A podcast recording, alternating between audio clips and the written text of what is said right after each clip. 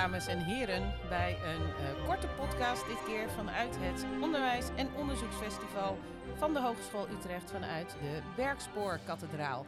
En eh, specifieker vanuit een caravan in de Een Werkspoorkathedraal. roze caravan, van binnen in ieder geval. Eens, ja, en blauw en geel en, paars en eh, oranje. Ehm, wij zitten hier en wij zijn eh, mijn collega Sander Toby. Ik ben zelf hi, Frederik de Jong. En wij zitten hier met eh, Sylvie Giebels. Spreek je Ja. het goed uit? Helemaal goed. Onze gast voor vandaag. En eh, Sander, je zet de klok aan. We gaan Ja. een kwartier met elkaar praten. Dan gaat er een wekker of een geluidje. pling, Ik weet niet precies. Ja, wel wat Ja. voor geluidje? We gaan het zo merken. Ik weet het nooit. Helemaal goed. Sylvie, ehm, mag ik jou vragen jezelf even te introduceren? Wie ben je? Waar Ja. werk je? Neem ons mee. Nou, ik ben Sylvie. Ik eh, werk op Hogeschool Utrecht. Ja. Nou, En goed. waar? Nou, iets dichter bij de Ja, microfoon. iets dichter bij de Ik moet er even aan wennen. Ja. Ehm, ik werk eh, onder andere als onderzoeker bij het lectoraat Organiseren van Waardig Werk. En daarnaast ben ik eh, adviseur bij de afdeling HR-beleid. Oké. Tof. Nou ja, wij Ja. hebben hier een, eh, een podcast waar we praten over onderwijsinnovatie en over verandering in de bredere zin van het woord. Ja. Hoe ben jij betrokken in jouw werk bij onderwijsinnovaties of verandering? Nou, van mijn, eh, vanuit het onderzoek eh, bij het eh, lectoraat Organiseren van Waardig Werk doe ik samen met eh, Anneke Overijns onderzoek naar eh, zelforganisatie en teamgericht organiseren. En, ehm, en zo ben ik betrokken bij eh, veranderingen. Oké. Nou ja, dat is een hot topic volgens mij, toch? Zelforganisatie bij teams. Ja, Ik heb soms ook wel het idee dat, dat ja, iedereen heeft daar volgens mij verschillende beelden bij. Hoe, hoe kijk jij daarnaar? Wat, wat bedoel je als je zegt zelforganisatie? Wat is het? Wat ja. is het? ja, wat is het en wat is het ook vooral niet? Ja. Ja. Ehm, nou, wa- waar wij van uitgaan is eh, eigenlijk eh, gebaseerd op de eh, moderne sociotechniek. Ik ga even de microfoon zo iets zetten. Ah, Kan je wat zit- makkelijker die kant op Zit praten? hij iets Ja? beter? Ja. Ja. Ehm, en waar we eigenlijk van uitgaan is dat je eh teams samenstelt zodanig dat je als team een afgebakend proces beheerst. En dat je dus ook verantwoordelijk bent voor een proces van A tot Z of een gedeelte van het proces. En dat je ook als team zeg maar, een onderlinge afhankelijkheid hebt om met elkaar dat voor elkaar te krijgen. Waarbij we altijd van uitgaan dat de klant, de student, altijd centraal staat. Oké, dus het is, een, het is ook gebaseerd op een beeld van, of op een perspectief op wat een team is. Of niet? Ja. Is dat, je, je hebt zo'n onderzoek van Karin, promotieonderzoek, die is er net, heeft er net een boek op gepubliceerd over wat Van, eh, ideale teams. Ja, ook. Ja, na- na- al die eh, informatie die daarin staat, die, die herkennen wij ook vanuit eh, nou ja, de theorie van de moderne sociotechniek. Oké. Dan gaat het eigenlijk vooral over om hoe maak je nou eh, organisaties eenvoudig en de taken weer complex. Dus hoe draai je eigenlijk om dat je hele eenvoudige taken hebt waarbij de organisatie heel complex is geworden. Ja. En hoe zorg je er nou voor dat, dat je gezamenlijke verantwoordelijkheid gaat krijgen voor een proces, maar dat de organisatie zo eenvoudig mogelijk wordt ingericht? En zeg je daarmee dan eigenlijk ook dat dat moet je eigenlijk wel doen, eenvoudig inrichten, want dan kan zo'n organisatie complexere taken aan? Eh, ja, maar ook eh, dat je dus ook als, als medewerker zeg maar, meer zicht hebt op wie is mijn klant, voor wie doen we het eigenlijk en hoe zetten we die nou centraal en zorgen we nou voor dat we daaraan kunnen voldoen. En dat ik niet één onderdeeltje ben in dat hele proces en eigenlijk niet weet wie, voor wie ik het doe. En hoe hangt zelforganisatie van zo'n team dan samen met het dicht bij de klant zijn en het weten wat die klant wil? Hoe, wat is daar de link? Nou, op het moment dat je dus een, een, een klein team hebt, dat is niet te groot, zeg maar tussen de 8 en de 12 personen. Mhm. En je bent een gezamenlijke eh, opdracht heb je te voldoen. Je hebt een gezamenlijk proces. En iedereen doet een gezamenlijk doe je, verzorg je dat proces. Dan weet je ook van hé, hey, wat kunnen wij hier zelf nog in veranderen? Wat willen we zelf aanpassen? Dus je moet ook de regelmogelijkheden krijgen om het proces zodanig in te kunnen richten dat jij weet wat die klant wil en waar die klant eh, naartoe wil. Dus je feedback loop is ook heel klein eigenlijk dan. Die moet heel klein zijn. Ja. ja. Helder. Hey, en het is, het is ook wel in mijn beleving soms een beetje een besmette term, toch Sander? Kom jij dat tegen? Zelf organiseren? Zelf... Oh, mooiste verhaal die ik ken is dat, dat een manager heel hard roept... ja, eh, ik, ben- ze mo- moeten zelf organiserend zijn, maar ze willen niet. Ja. Nee, of ik heb ze zelf georganiseerd. Ze doen Ja, dus ja. niks. Nee. Nou, dat Ja, was dat- ook een domme zet, zeg. Ja, dan gaan we weer even terugdraaien. Ja, of eh, we halen eh, de, de manager weg en dan eh, zijn we zelf eh organiseren of zelf Je wilt toch zelf sturend, sturen? Nou, ja. doe het dan. ja. Hey, en we doen hier nu een beetje gekscherend over, hè? Maar wat, wat is nou de kern van wat daar misgaat dan, volgens jou?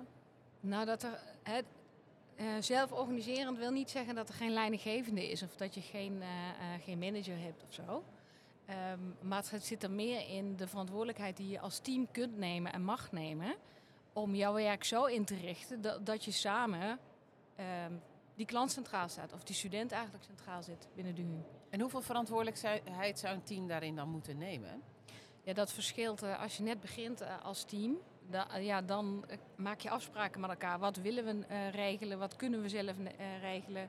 Welke verantwoordelijkheid hebben wij te doen met elkaar?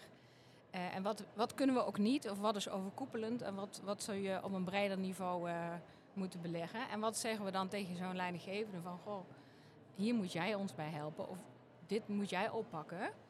Maar dat klinkt al heel zelfsturend. En als je in het begin een team hebt, dan denk ik van ja, weten ze eigenlijk al wel welke, waar ze moeten beginnen en wat ze kunnen. Nee, maar dus het gaat er ook over hoe is je team ingericht.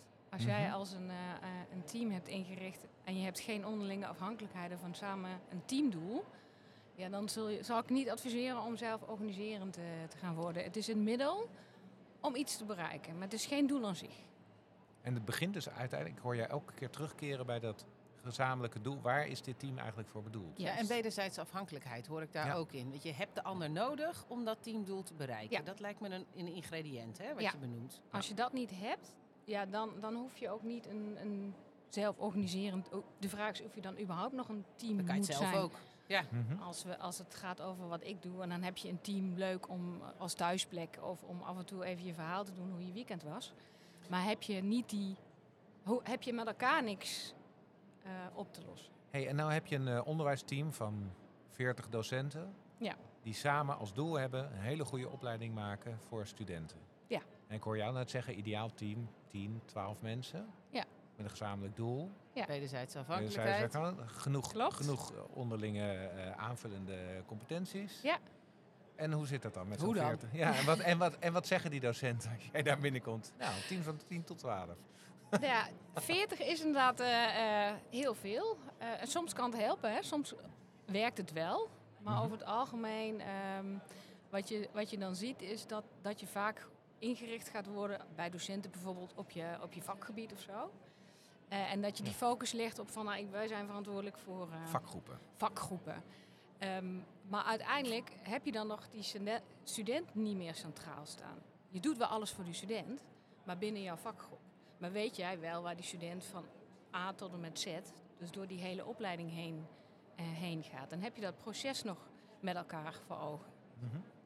Dus het idee is meer om te kijken van goh, welke mogelijkheden heb je nu als je kijkt eh, eh, in je onderwijs.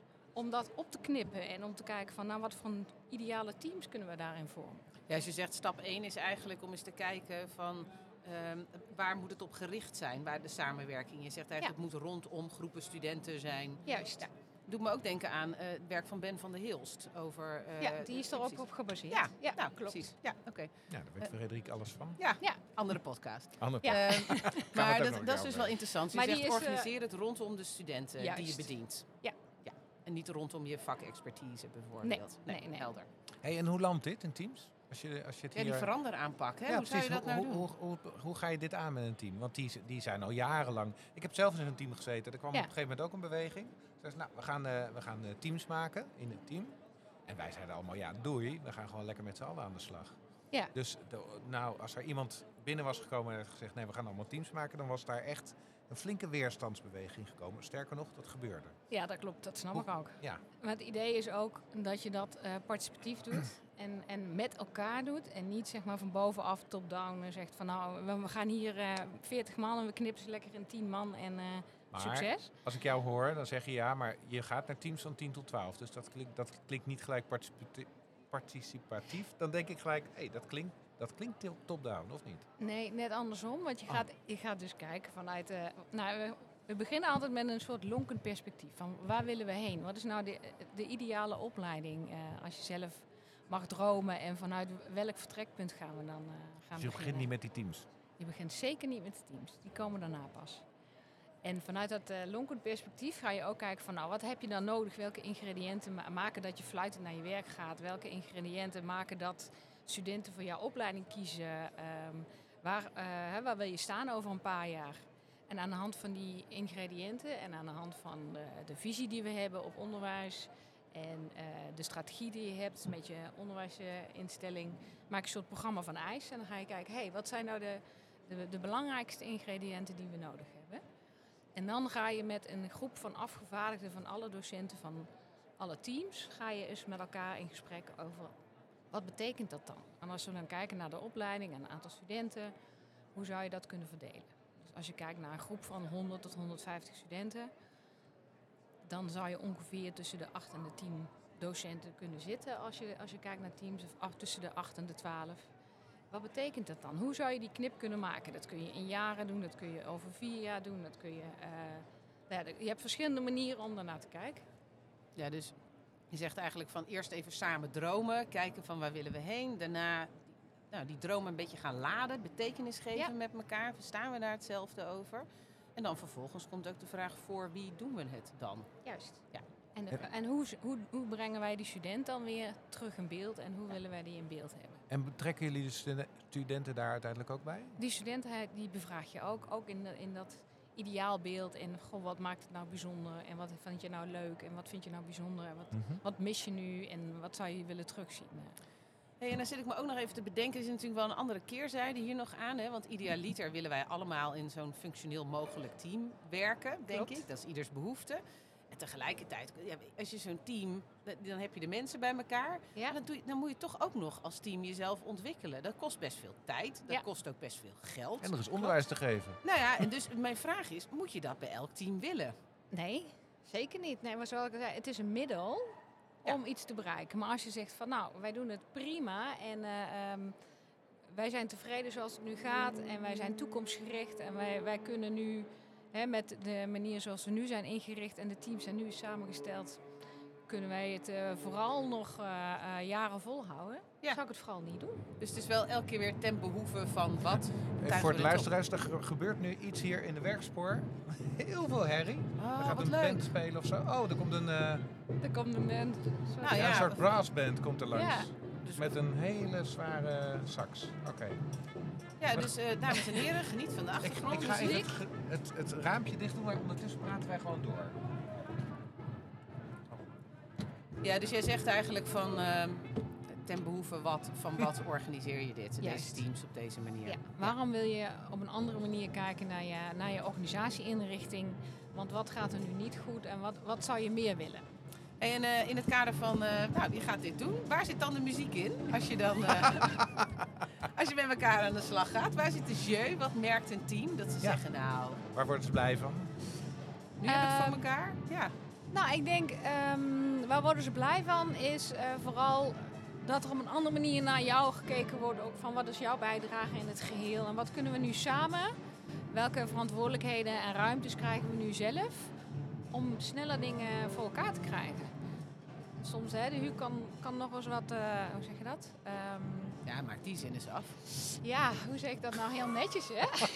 ja, of niet. Of hiërarchisch ingesteld zijn, zodat het eerst moet naar een, eh, een, een leidinggevende en dan moet het weer in een MT en boven dat MT moet er weer een MT. Ja, dat is een en beetje dan... een paradox met een zelfsturend team. Ja, nou, voordat je iets voor elkaar krijgt. Voordat je het zelfsturend team er doorheen hebt. Ja. ja. ja. Tof. En, maar hoor ik je daarbij ook zeggen dat als je die teams zegt, we maken die teams kleiner. En ze worden verantwoordelijk voor uh, nou, de studenten, hè, ja. de, de, de, opleiding en hun doelgroep. Dat je ze dus ook meer verantwoordelijkheden moet geven. Ja. Beluister ik dat? Ja. ja, dat heb je ook nodig. Je hebt wel meer regelruimte nodig en verantwoordelijkheid nodig. Want als je dat niet hebt, ja, dan, dan blijft het bij hetzelfde. En dan word je alleen nog maar beperkt. Ja. Maar je moet dus ook de ruimte krijgen om dat met elkaar te mogen ontdekken en ook met elkaar daarin te groeien. Maar dat vraagt ook iets van de leidinggevende. Die moet af en toe. Die niet. moet meer op zijn handen gaan zetten. Ja. En, en die hoe... moet op een andere manier uh, naar, naar, naar Wat zijn levert team gaan het die kijken. leidinggevende op? Want daar moet ook een beetje energie dus in zitten. Wat Ja, dus iedereen dan, uh, verandert, niet iedereen- alleen het ja. team. Nee, nee, Ja. nee, nee. Leidinggevenden veranderen zeker ook. Ja. En hoe vinden zij dat?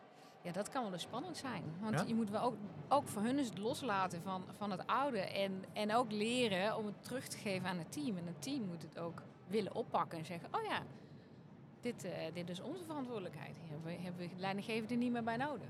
Mhm. Het is collectief leren eigenlijk. Zeker. En hoe doe je dat met een leidinggevende? Wat, wat is de veranderde aanpak naar een leidinggevende toe? Ja, ook voor leidinggevenden is net als bij een team. Is, is kijk welke behoefte er is in teamcoaching of een, of een andere manier om met elkaar het gesprek aan te gaan over wat hebben wij nodig. En het is vooral ook luisteren en in gesprek met je team Samen. samen doen van goh, maar wat betekent dit nu voor ons? En, eh, en, en wat moet ik, welke rol willen jullie dat ik ga eh, innemen in, eh, in zo'n team? Maar ook wel natuurlijk het bepalen van de kaders nog, die er ook zijn. Ja. Van, ja, dat zei Jan vanmorgen ook, hè? Die zei om... eh, Jan Bogert, Jan andere Bogert. podcast. Ja. Luister hem vooral terug. Jan zei, je hebt ook om de ruimte te organiseren om iteratief te kunnen bewegen, zeg maar, heb je ook duidelijke kaders nodig Ja. om daar binnen te kunnen bewegen. En eigenlijk zeg jij, op teamniveau zeg jij hetzelfde. Ja, je moet wel je speelveld weten. En je moet wel weten van hé, hey, dit is ons speelveld en hier kunnen, we, hebben wij, eh, kunnen wij keuzes maken. En, eh, en een leidinggevende die gaat dan samen met het team kijken van hé, hey, tot waar kunnen we gaan? Hey, eh, als jullie nou denken, ik hoorde toch net een heel ander muziekje. Komt Ja. er nou iemand met een xylofoon langs? Nou nee, dat was dus het alarm. We zitten aan de 15 minuten van deze podcast. Maar voordat we echt afronden, hebben we nog twee eindvragen voor jou. In het kader van alles wat je ons net verteld hebt en je kijkt naar verandering en innovatie, waarvan zeg je dan, nou dat moet je vooral doen? In één zin een antwoord. En waarvan zeg je, moet je vooral laten of direct mee ophouden? Ehm, vooral doen is eh, nadenken ehm, over de toekomst. En nadenken over van, goh, wat willen we met elkaar? En hoe zetten wij onze studenten of onze klant nog beter centraal? En eh, ophouden is denk ik ook echt eh, zelf bepalen, van het bovenaf bepalen. Zo gaan we het doen, zonder de teams erbij te betrekken. Dankjewel Sylvie Dankjewel. voor je aanwezigheid hier. En dit was